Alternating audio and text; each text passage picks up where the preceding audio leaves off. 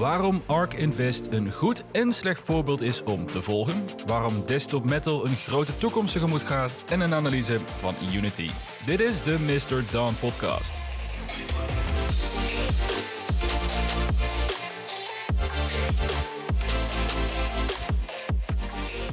Leuk dat je luistert naar een nieuwe aflevering. Ik hoop dat het goed gaat met iedereen. Zelf heb ik net een, eh, een weekje met corona erop zitten. Dus mocht mijn stem iets rauwer klinken dan normaal gesproken, nou, dan uh, mijn excuses daarvoor. Voor vandaag heb ik een uitgebreide lijst aan onderwerpen om te bespreken. Dus allereerst wil ik stilstaan bij een van de meest bekendste actieve fondsen op de beurs. In ieder geval bij de retailbeleggers, namelijk ARK Invest. Het fonds van Cathy Wood, die naar eigen zeggen zich richt op innovatie en beleggingen voor minimaal vijf jaar tijd. En dat is natuurlijk een thema die mij ontzettend aanspreekt. Maar waarom hing ik op twee gedachten bij haar fonds en wat heb ik ervan geleerd? Nou, daarna wil ik het hebben over Desktop Metal, een van mijn grootste holdings, die afgelopen week hun Q4 earnings call had. Dus een goed moment voor een update over dit 3D-printing bedrijf. En afsluitend deel ik mijn ideeën over het bedrijf Unity, die met hun 3D gaming engine een grote rol kunnen gaan spelen in onder meer de verdere ontwikkeling van de metaverse. Nou, dit aandeel wil ik graag toevoegen aan mijn portfolio, dus ik zal mijn analyse hierover met jullie delen. Al is er ook een uitdaging waarom dit aandeel nog niet in mijn portfolio zit. Dus meer dan genoeg te bespreken in deze aflevering. En er zijn ook nog eens een bak vragen binnengekomen van luisteraars via Twitter en Instagram. Dus laten we vooral snel starten met het eerste onderwerp van vandaag.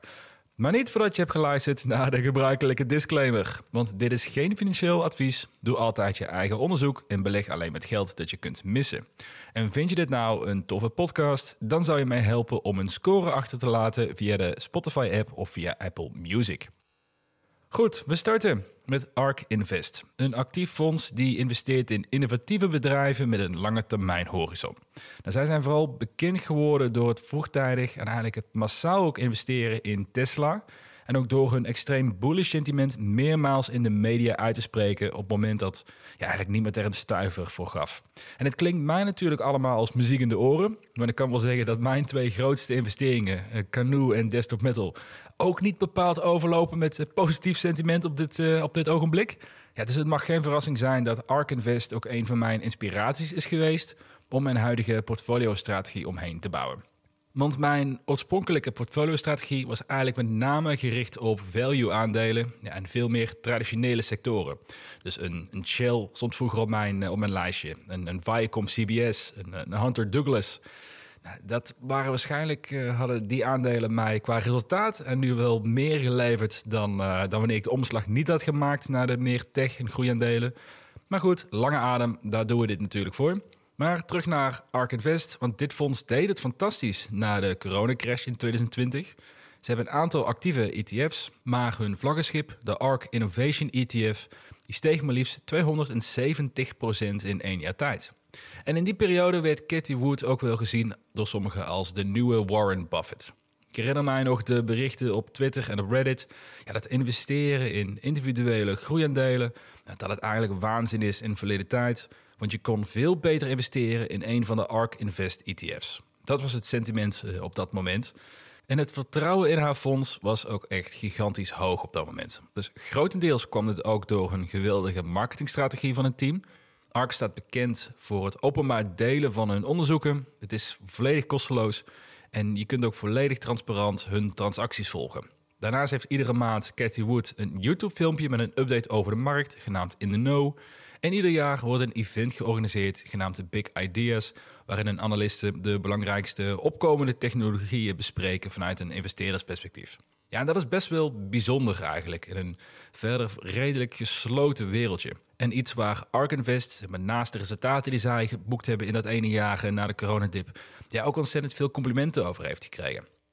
Maar sinds de beurs minder enthousiast is geworden over groeiendelen, en dat met name de verliesgevende bedrijven die een forse waardering hebben, ja, zijn hun ETF's eigenlijk weer net zo hard in elkaar gestort als dat het zijn opgekomen. Want in één jaar tijd steeg met 270% is ook in exact één jaar tijd weer volledig ingestort naar de prijs die het, de ETF had voor de coronacrash.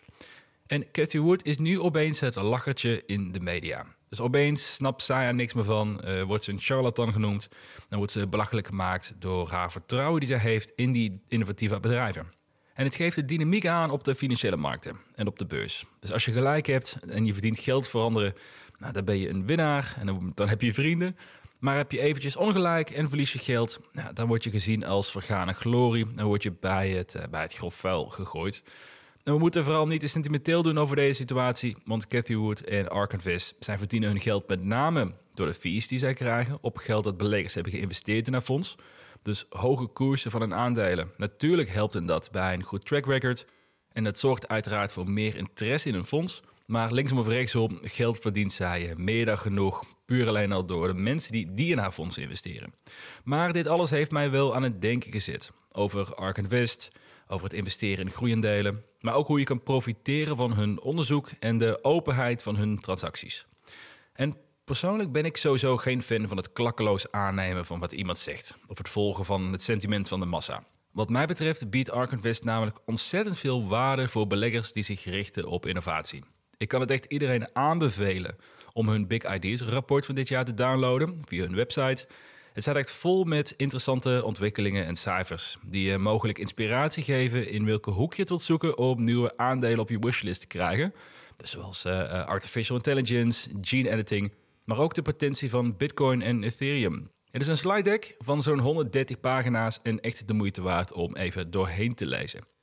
En nu denk je waarschijnlijk dat je ook al veel interessante tips kan krijgen door een verschillende ETF-prospectus te lezen van welke aandelen erin zitten. Of misschien nog makkelijker, als je naar de website katiesark.com gaat. Dan zie je daar een compleet overzicht over alle ETF's heen en met hen transacties voor, uh, per aandeel voor een langere periode. En zo heb je eigenlijk in één minuut een compleet overzicht over de aandelen waar Ark Invest in investeert. Maar hoe enthousiast ik ook ben over hun onderzoek en vooral hun bereidheid om hun ideeën kosteloos te delen, ja, zo kritisch ben ik over hun investeringsstrategie. Want als we teruggaan naar de belofte van Ark Invest, zij geven aan dat zij willen investeren in innovatie, in aandelen die een exponentiële groei gaan laten zien in de komende vijf jaar. En die beleggingen willen ze voor een langere periode aanhouden. Dus, en ze geven ook aan, als je het met ze hebt over dat bijvoorbeeld de laatste maanden het rendement laag is, zeggen ze van ja, dat vinden wij helemaal niet interessant. Wij kijken niet naar de laatste maanden, wij kijken naar de komende vijf jaar met onze uh, investment thesis. En dat is een fantastisch verhaal. Dus iets waar ik ook achter sta, is iets wat ik zelf pretendeer te doen in ieder geval. Wat ik zelf ook doe natuurlijk. Uh, maar dit is wat zij beloven. Maar als we kijken naar hun transacties en naar hun aandelenselectie, nou, dan zie je eigenlijk dat de werkelijkheid en de belofte ja, niet helemaal met elkaar overeenkomen. Dus om te beginnen met hun claim dat ze investeren in innovatie. En dat is ook meteen de lastigste, omdat innovatie voor iedereen ja, toch wel een persoonlijk iets is. Ik denk namelijk dat iedereen het wel mee eens is dat een quantum computing, een potentiële rekenkracht, die ons kan helpen om in een nieuwe fase in machine learning te komen, en die ons kan helpen om in recordtijd nieuwe medicijnen te ontwikkelen, nou, dat dat wel gezien mag worden als innovatie. Maar is een bedrijf die videomeetings mogelijk maakt, is dat innovatief? Of een, eh, een workout fiets voor thuis met een tablet erop? Nou, voor de opvallende luisteraar heb ik het hier natuurlijk over Zoom en over Peloton. twee aandelen die voor een lange tijd tot haar grootste holdings behoorden. Eh, sterker nog, eh, Zoom staat nog steeds op de vijfde plek als grootste holding voor Ark Invest. En dan mag hun Big Ideas rapport gaan over artificial intelligence, blockchain, Web3. Ja, als dit soort aandelen dan tot daar grootste investeringen gaan behoren, nou, dan gaat er bij mij in ieder geval wel een belletje rinkelen. En zo staan er meerdere bedrijven tussen, die ik persoonlijk in ieder geval niet zou zien als innovatieve aandelen. Maar goed, natuurlijk, niet alles hoeft baanbrekend te zijn. En je kunt ook geen fondsen draaien houden puur op speculatievere technologieën, zoals een quantum computing technologie. Maar het geeft wel aan dat een kritische blik nodig is. Zodat je zelf kan beslissen of jij wel of niet een aandeel van industrie, of je daar toekomst in ziet. Maar hetgeen waar ik zelf het meeste door ben afgekapt eigenlijk op Arkenvest, in ieder geval betreft hun beleggingsstrategie, is dat zij claimen dat ze voor vijf jaar hun aandelen willen vasthouden. Maar het blijkt ook hier in de praktijk dat zij wispelturiger zijn dan het lijkt. Zo zijn bijvoorbeeld de aandelen Palantir en Pinterest al binnen enkele maanden verkocht vaak ook, of in beide gevallen ook met een flink verlies, ja, zonder dat daar een duidelijke reden voor was. En soms is die reden natuurlijk wel. Zoals met Peloton, waarvan de business praktisch implodeerde. Ja, dan snap ik wel dat je er afscheid van gaat nemen. Dat doe ik natuurlijk zelf ook, want je moet niet blijven investeren in bedrijven die juist slechter worden dan beter. Maar een Palantir kopen voor 25 dollar, dicht bij een hoogtepunt van 29 dollar. Ja, dan verkopen rond 11 dollar na een marktbrede sell-off. Ja, dat voelt mij toch wel een klein beetje gek voor een fonds die zegt dat zij eh, voor de vijf jaar investeren. Maar goed, hè, betekent dit dan dat Ark Invest en Cathy Wood het helemaal hebben verprutst in het afgelopen jaar? Nou, dat gaat natuurlijk ook veel te ver. Net zoals dat je een fonds niet na één goed jaar op handen moet gaan dragen, hoeven zij ook niet na één slecht jaar met de grond gelijk te maken te worden. Hun onderzoek blijft sterk en alleen dat is al iets wat je wat mij betreft mag waarderen van ze. En stiekem geloof ik erin, mede door hun krachtige marketingverhaal, dat Ark Invest over één à twee jaar ja, weer het meest besproken en het meest geliefde fonds zal zijn voor Wall Street en voor de retailbeleggers. Want net als Cathy Wood geloof ik erin dat innovatie leidt tot waardecreatie. En uiteindelijk gaat zich dat ook terugzien in de waardering van de aandelen. Wel heeft dit alles mij twee belangrijke lessen opgeleverd. Allereerst dat men graag iemands beleggingsadviezen opvolgt, omdat het stiekem ook een, uh, een makkelijke escape is. Want als het aandeel goed scoort, dan is het jouw keuze geweest. Maar als de koers daalt, dan is het de fout van de analist. En ik zie dit de laatste maanden eigenlijk steeds vaker voorbij komen bij de grotere Twitter-accounts die zich richten op groeiaandelen. En afgelopen week ook op het forum van IEX. Nou, geïnspireerd raken door de keuzes en onderbouwing van anderen is natuurlijk helemaal prima. Maar het blind vertrouwen op iemands stockpicks, nou, dat zou ik dus echt nooit aanraden. Gelukkig heb ik hier zelf nog niet mee te maken gehad met negatieve opmerkingen over mijn uh, keuzes. Maar het geldt natuurlijk minstens zo hard voor de aandelen die ik bespreek. Dus wees kritisch en bedenk altijd zelf waarom je in een aandeel wilt investeren en niet omdat iemand anders het zegt. En mijn tweede les is dat waarderingen altijd belangrijk zijn, ook voor de beste en meest innovatieve bedrijven. Vandaar dat ik de afgelopen maanden ook een stuk kritischer ben geworden in het doorgronden van waarderingen, voordat ik een besluit neem om een positie te openen. En deze les zal zometeen ook terugkomen als ik het ga hebben over Unity iets verderop in deze aflevering. Over mijn portfolio gesproken en de keuzes daarin. Hierover kreeg ik een vraag van Gian. Hij vraagt zich af bij de dip of nog even langs de lijn kijken, want er is veel onzekerheid momenteel. Nou, dat is natuurlijk een, een terechte vraag van Gian. En iets wat ik merk dat veel leeft onder de beleggers. Ik kan niet inschatten hoe de markt het gaat doen binnen nu en enkele maanden. Maar ik kan wel zeggen dat ik in ieder geval een agressieve koper ben van aandelen op dit moment. Ik ben 100% geïnvesteerd ik heb zelfs een klein beetje marge. Simpelweg omdat ik bepaalde aandelen gewoon erg interessant gewaardeerd vind. En dat is ook de reden waarom ik mijn portfolio ben gaan verbreden van drie posities naar uiteindelijk tien posities. Nou, op dit moment heb ik, er, heb ik er zeven. En dit is om zoveel mogelijk snel groeiende bedrijven in mijn portfolio te krijgen, waar ik in de komende jaren in kan blijven investeren. En ik denk dat dat ook het meest verstandige is om de komende weken in kleine plukjes in te kopen met de zogeheten dollar cost averaging tactiek. Dus iedere twee weken of een maand bijvoorbeeld, afhankelijk wat jouw, uh, hoe wanneer je geld binnenkrijgt of wat jouw gewenste frequentie is. Nou, en iedere keer, dus iedere periode, een plukje kopen van je favoriete aandelen. En ik denk dat je hiermee uiteindelijk wel goed zit. Want laten we eerlijk zijn, een flink aantal geweldige aandelen zijn op dit moment gewoon bijzonder aantrekkelijk geprijsd. Maar ik blijf Pinterest als een voorbeeld geven daarvan, die qua price to earnings maar ook qua price to free cash flow veel goedkoper is op dit moment dan het gemiddelde van de S&P 500. Terwijl de groei van Pinterest het gemiddelde S&P aandeel compleet verpulvert. En als die waarderingen nog aantrekkelijker worden in de komende weken, nou, dan heb je in ieder geval de gelegenheid om bij te kopen als je het doet in stapjes. Nou, zou de markt op korte termijn dan nog verder kunnen dalen? Ja, natuurlijk, natuurlijk. Dus dat is ook een vraag die ik kreeg van Kadiski via Twitter. Namelijk of de macro-economische ontwikkelingen of die invloed gaan hebben op de huidige markt. En ja, ik denk het wel. Eerlijkheidshalve lijkt er meer dan genoeg te kunnen gaan gebeuren de komende maanden, waardoor een verdere daling nou, waarschijnlijk is. De oorlog kan verder escaleren. De Amerikaanse Fed moet nog gaan starten met het afbouwen van een stimulus en zal ook de renteverhogingen gaan doorvoeren. De economische groei zit tegen. Een recessie in Europa is vrij waarschijnlijk. En de wereldwijde inflatie is echt waanzinnig. Dus dat zijn serieuze tegenwinden die hoogstwaarschijnlijk de koersen van groeiaandelen nog verder onder druk gaan zetten. Dus houd dat zeker in je achterhoofd.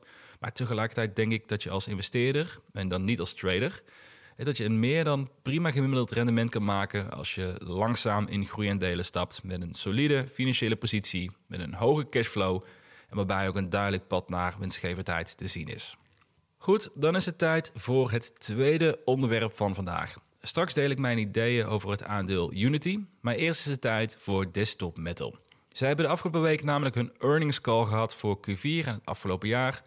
En dit aandeel is goed voor 33% van mijn totale portfoliowaarde. Dus het spreekt voor zich dat ik hier een, eh, een rotsvast vertrouwen in heb. Maar dat vertrouwen, dat wordt wel ieder kwartaal opnieuw herijkt tijdens de earnings call. Want ik wil niet diegene zijn die met oogkleppen op blijft vasthouden aan aandelen. Dus ik luister alle calls van mijn grootste positie, dus natuurlijk ook van Desktop Metal. En om alvast een voorzichtige conclusie te delen, nou, ik raak steeds meer overtuigd dat Desktop Metal wel eens een heel groot bedrijf zou kunnen gaan worden. En voor diegenen die het aandeel minder goed kennen, Desktop Metal is een 3D-printingbedrijf die zich vanaf het eerste moment heeft gericht op het printen van metalen onderdelen op industriële schaal. En dat is een groot verschil met andere 3D-printbedrijven op de markt, die zich met name richten op meer prototyping en simpelere materialen zoals bijvoorbeeld plastic. Nou, de ambitie van Desktop Metal is dat hun printingsystemen uiteindelijk een groot deel van de onderdeelfabrikage voor hun rekening gaan nemen. Dus als een simpel voorbeeld, een automerk zoals BMW, wat ook trouwens een van de vroegtijdige investeerders is in Desktop Metal, die kan ervoor kiezen om bijvoorbeeld 200.000 bouten te laten gieten in een metaalfabriek in Azië, wat twee maanden een dure transport kost om die bouten op locatie te krijgen. Of ze hebben de optie om zelf 200.000 bouten volledig aangepast aan de specificaties van BMW, om die direct op locatie in de fabriek te laten printen in één dag tijd op het moment dat zij het nodig hebben. En dat is slechts één van de toepassingen van Desktop Metal, die sinds afgelopen jaar ook actief zijn in de tandheelkunde met Desktop Health, met het printen van kronen of zelfs volledige tanden, wat direct in de praktijk van de tandarts kan gebeuren en compleet afgestemd op de patiënt. Of denk aan Forest, ook vorig jaar overgenomen voor slechts een paar miljoen dollar, waarmee zij houten voorwerpen kunnen printen door middel van zaagsel. Ja, wat het vaak wordt gezien eigenlijk als een, als een restafval door houtverwerkingsbedrijven. En als klap de vuurpijl heeft Desktop Metal vorig jaar ook hun concurrent X1 overgenomen, wat nieuwe technologie en een fors direct afzetkanaal heeft toegevoegd aan Desktop Metal, maar natuurlijk ook synergie met hun eigen producten in te vinden is. Dus al met al speelt er ontzettend veel bij het bedrijf. Dus ik keek met veel enthousiasme uit naar hun eindejaars earnings call. Maar we hebben hier natuurlijk wel te maken met een relatief jong bedrijf, nog helemaal vooraan in een groeitraject, met technologie die nog onbewezen is op de massale schaal. Dus vandaar dat ik er een aantal belangrijke vragen beantwoord wilde zien bij deze call. En dan vooral, hoe ziet de omzetgroei eruit? En nog belangrijker, welke groei verwachten zij voor de komende jaren? Hoe ziet hun financiële positie eruit? En is er duidelijk pad naar winstgevendheid? En in dat kader, hoe staat het ervoor met de P50? Dat is namelijk een van de belangrijkste producten die Desktop Metal het gros van de marge kan opleveren. En tegelijkertijd is het ook een van de belangrijkste bevestigingen voor hun technologie. Dus de P50 is het systeem die ik net benoemde als voorbeeld voor BMW, waarmee je dus die 200.000 bouten per dag kan printen. Dus als deze technologie wordt bevestigd en ze kunnen dit systeem ook schaalbaar uitrollen in de komende jaren, ja, dan is dat wel een bevestiging van mijn investeringscase. Dus die drie dingen stonden hoog op mijn lijst bij het, uh, toen ik deze call ging bijwonen. En zoals ik net al als voorzichtige conclusie liet doorschemeren, uh, Testo Metal heeft mij wel oprecht verrast in de call van afgelopen maandag. Het was een enthousiast en optimistisch verhaal van de CEO Rick Fulop. En daar was ook alle redenen toe. Om te beginnen met de omzetgroei. Desktop Metal heeft in 2021 een omzet behaald van 112 miljoen dollar. En dat is een groei van 123% year over year. En als je daar de omzet van X1 voor het complete jaar meetelt, dan komt het zelfs neer op 209 miljoen dollar. Nou, voor het komende jaar hebben ze een verwachting afgegeven van 260 miljoen dollar. Dat is exclusief X1. Dus opnieuw een groei van drie cijfers, namelijk 131 Voor X1 is geen aparte guidance afgegeven, maar laten we het nou, zeer conservatief inschatten dat X1 50% omzetgroei gaat behalen. Dat zou betekenen dat de totale omzet in 2022 op ongeveer 400 miljoen dollar gaat komen. Ja, de huidige waardering van Desktop Metal is circa 1,2 miljard dollar. Oftewel, je betaalt nu drie keer de verwachte omzet voor komend jaar. Met de uitgesproken ambitie dat zij in 2025 verwachten om 1 miljard dollar aan omzet te behalen.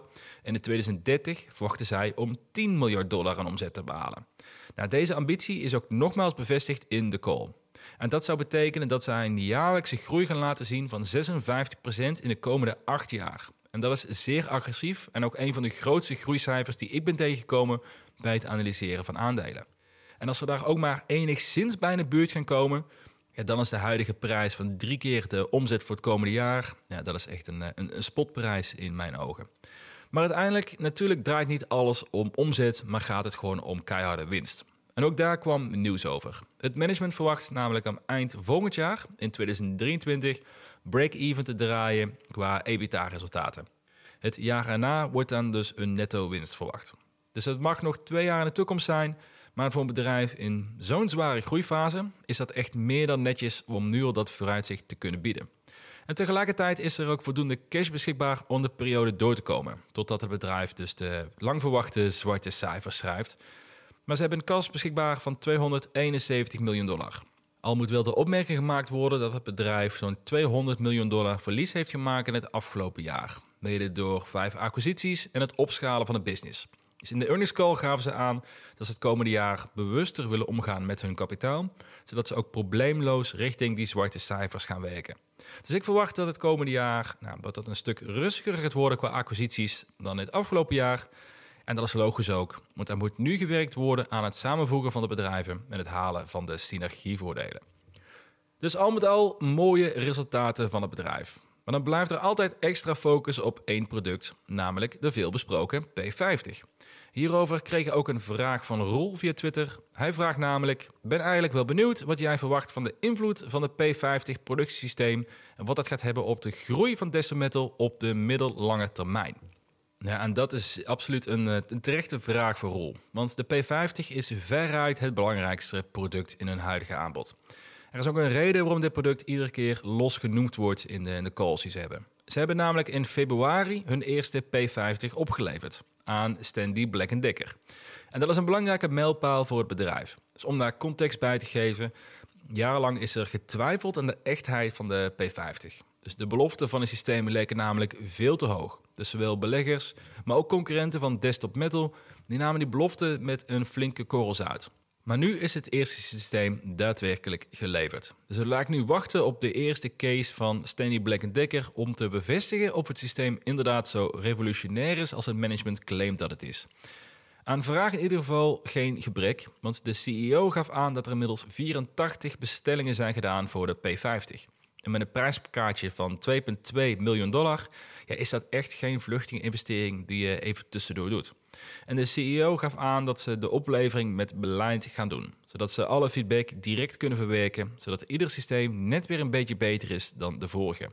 En dat lijkt mij ook een goede aanpak. Het product verbeteren zodra het op kleine schaal wordt uitgeleverd, zodat er over één of twee jaar het product 100% klaar is om massaal in productie te nemen en massaal uit te sturen. Dus om terug te komen op de vraag van Roel, wat is de impact van de P50 op de middellange resultaten van het bedrijf? Nou, die impact die is enorm, verwacht ik. Want met de verwachte marges die Desktop Metal maakt op de P50, ongeveer 55% bruto winst op ieder productsysteem in een periode van 10 jaar tijd, ja, komt dat neer op een bruto winst van 3,8 miljoen dollar per verkochte P50. Dus alleen al op de 84 bestellingen die nu gedaan zijn dit jaar, gaat Desktop Metal in de komende 10 jaar zo'n 320 miljoen dollar bruto winst maken. Het is belangrijk om het businessmodel te snappen achter de P50. Het geld zit niet per se in de initiële 2,2 miljoen, wat het kost om de P50 te kopen, maar het zit vooral in het materiaal en de software die ervoor nodig is. Het is uh, vergelijkbaar met een, ja, met een scheermesbusiness. Dus je betaalt kostprijs of misschien zelfs onderkostprijs voor het scheerapparaat. Maar de hoge marges voor bedrijf die zitten vooral in de scheermesjes zelf. En je hebt iedere maand heb je nieuwe scheermesjes nodig om gebruik te kunnen blijven maken van je scheerapparaat. Dus er is een terugkerende omzetstroom. En dat is vooral ontzettend prettig voor een bedrijf. Want dat maakt namelijk de omzet veel voorspelbaarder. En dat maakt de afhankelijkheid van jouw klanten richting het bedrijf hoger in plaats van andersom. Maar tegelijkertijd wil ik er wel voor waken om volledig blind te staren op de P50. Hun desktop health business voor, voor tandartsen, dat schijnt door het dak te gaan. En ook in andere printsystemen die misschien niet per se geschikt zijn voor massaproductie. Ja, ook daar zitten forse marges achter en ook een hoge vraag. Maar dat de P50 het verschil kan maken tussen een bedrijf die straks 10 miljard of 50 miljard waard is, ja, dat, ehm, dat weet ik wel vrij zeker, inderdaad. Dus we blijven in de gaten houden hoe zich dit gaat ontwikkelen. Nou, we hebben het gehad over Arcadvest en waarom ik sterk geloof in desktop metal. Dan is het tijd voor het derde en alweer het laatste onderdeel van deze aflevering. Namelijk mijn ideeën over het aandeel Unity. Dit aandeel staat in mijn gewenste portfolio voor dit jaar, met een allocatie van 8%. Maar vooralsnog heb ik geen aandelen gekocht. Nou, waarom is dit het geval?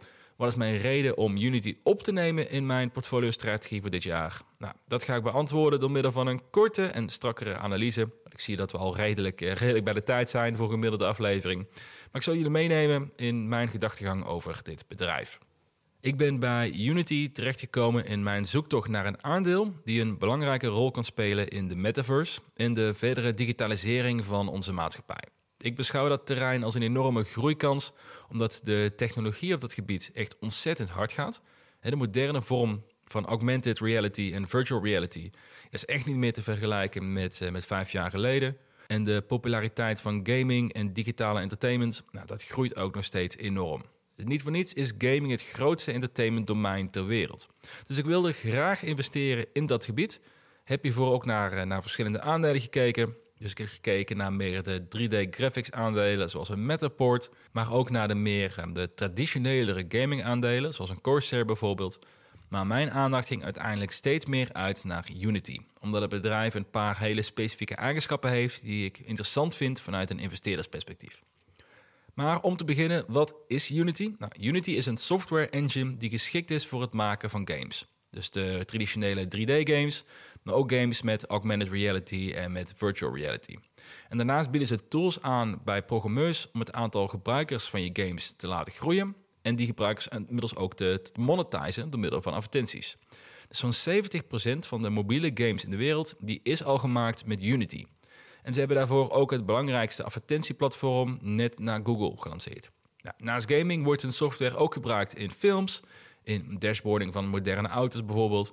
En wordt het ook gezien als een, eh, als een belangrijke schakel in de opkomende metaverse. En een van de aspecten die ik zelf heel aantrekkelijk vond toen ik Unity aan het onderzoeken was, is hoe sticky hun product is. Als je eenmaal bent geoefend om te werken met Unity, nou, dan blijf je hoogstwaarschijnlijk ook de rest van je carrière hiermee werken. Zolang Unity ervoor zorgt dat hun software tot de top van de markt blijft behoren, nou, en de afgelopen tien jaar hebben ze dat absoluut waargemaakt, nou, dan komt eigenlijk de enige concurrentie van Unreal Engine. En al blijkt ook dat de meeste developers dat zijn voorkeur hebben voor Unity, doordat het gewoon meer opties biedt en simpelweg eenvoudiger en ook gewoon fijner werkt. Een andere fijne bekomstigheid is dat dit zo'n specifiek domein is, dat ik niet verwacht dat een andere grote techspeler, zoals een Google of een Amazon, ja, zich hier direct in zullen gaan mengen. En met een wereld die steeds digitaler wordt, lijkt Unity perfect voorbereid op een eh, sterke omzetgroei. Dat hebben ze het afgelopen jaar ook wel laten zien. De omzet groeide ruim 40% in 2020 en 2021 met hoge bruto marges van maar liefst 77%. En de omzet in 2021 die was totaal 1,1 miljard dollar. Dus voor de komende jaren verwachten ze een stabiele omzetstijging van zo'n 30% per jaar. Dus op het eerste oog klinkt dit als een, eh, als een mooi groeiaandeel die kunnen profiteren van meerdere groeiende industrieën. Maar er zitten wel drie belangrijke nuances aan vast. Allereerst komt slechts een derde van de omzet uit hun softwareproduct. Het gros van hun omzet komt namelijk uit het advertentiemodel en een tools zoals hun analytics bijvoorbeeld. En hiermee concurreren zij wel rechtstreeks met onder meer een Google en een Facebook. En dit is een pittige strijd om te voeren. Ook in het kennis, uh, ook kader van de macht die zij hebben in het veranderen van het landschap. Er is hier onder meer de discussie over de cookie-wetgeving. Wat een enkelap de aandelen die actief zijn in uh, digitale advertenties ja, flinke klap heeft gegeven op de beurs.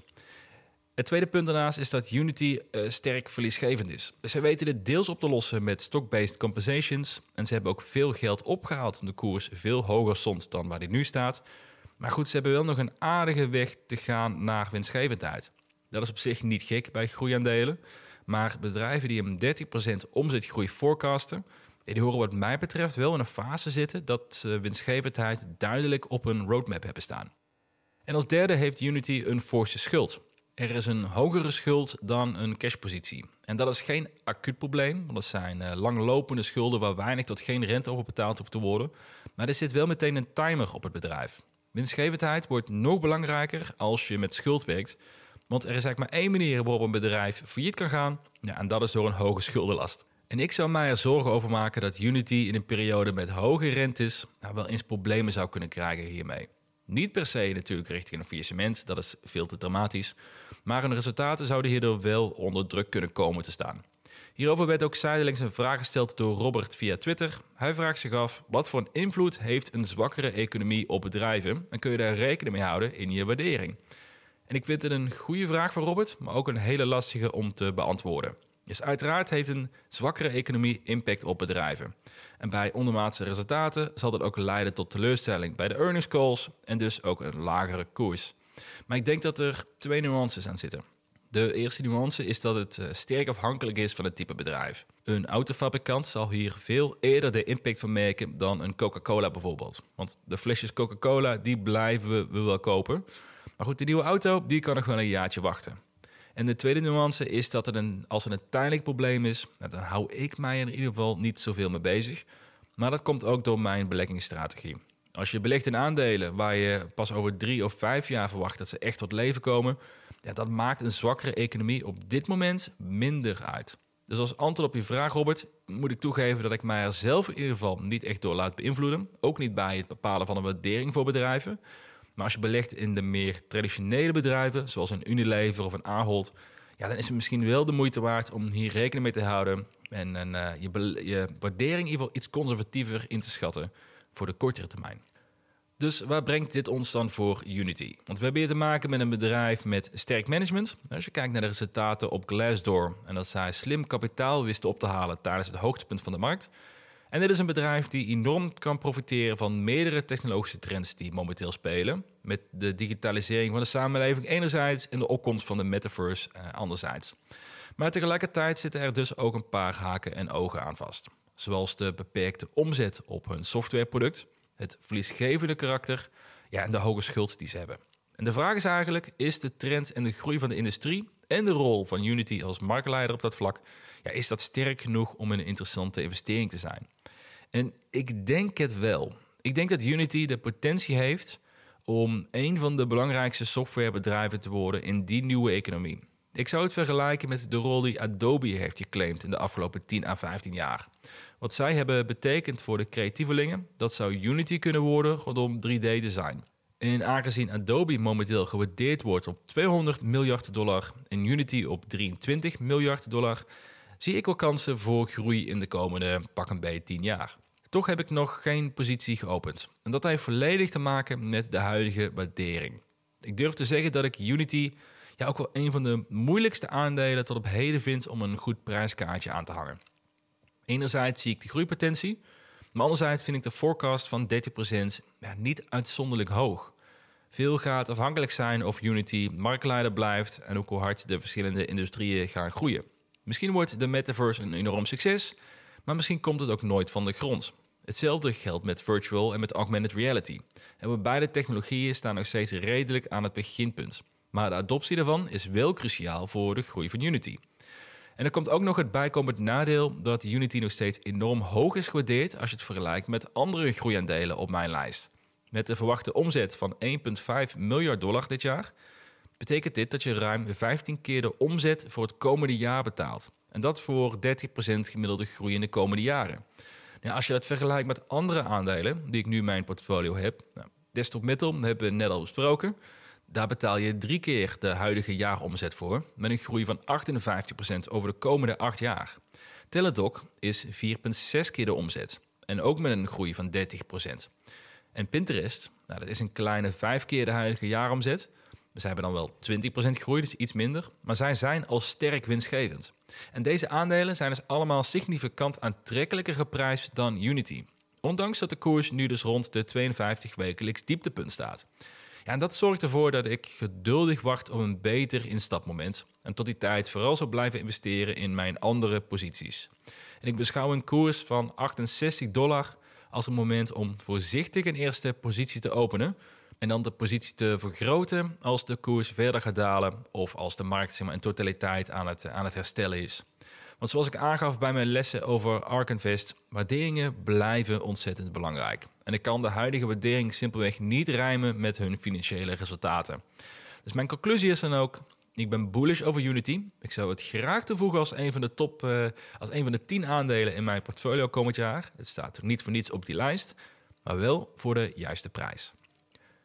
Zo, en dat was weer een, uh, een iets langere aflevering dan gebruikelijk. Dan heb ik toch de, de korte aflevering van vorige week kunnen compenseren. En dat na coronaweekje. Nou, vind je dit nou een toffe podcast? Dan zou ik het waarderen als je een score wilt achterlaten via de Spotify-app of via Apple Music. Want hoe hoger de score en hoe meer abonnees, des te meer dit helpt om de podcast te laten groeien. Volg mij op Twitter via MrDonNL als je dagelijks wilt weten waar ik mee bezig ben. En dan voor nu, dankjewel voor het luisteren en graag tot uh, volgende week.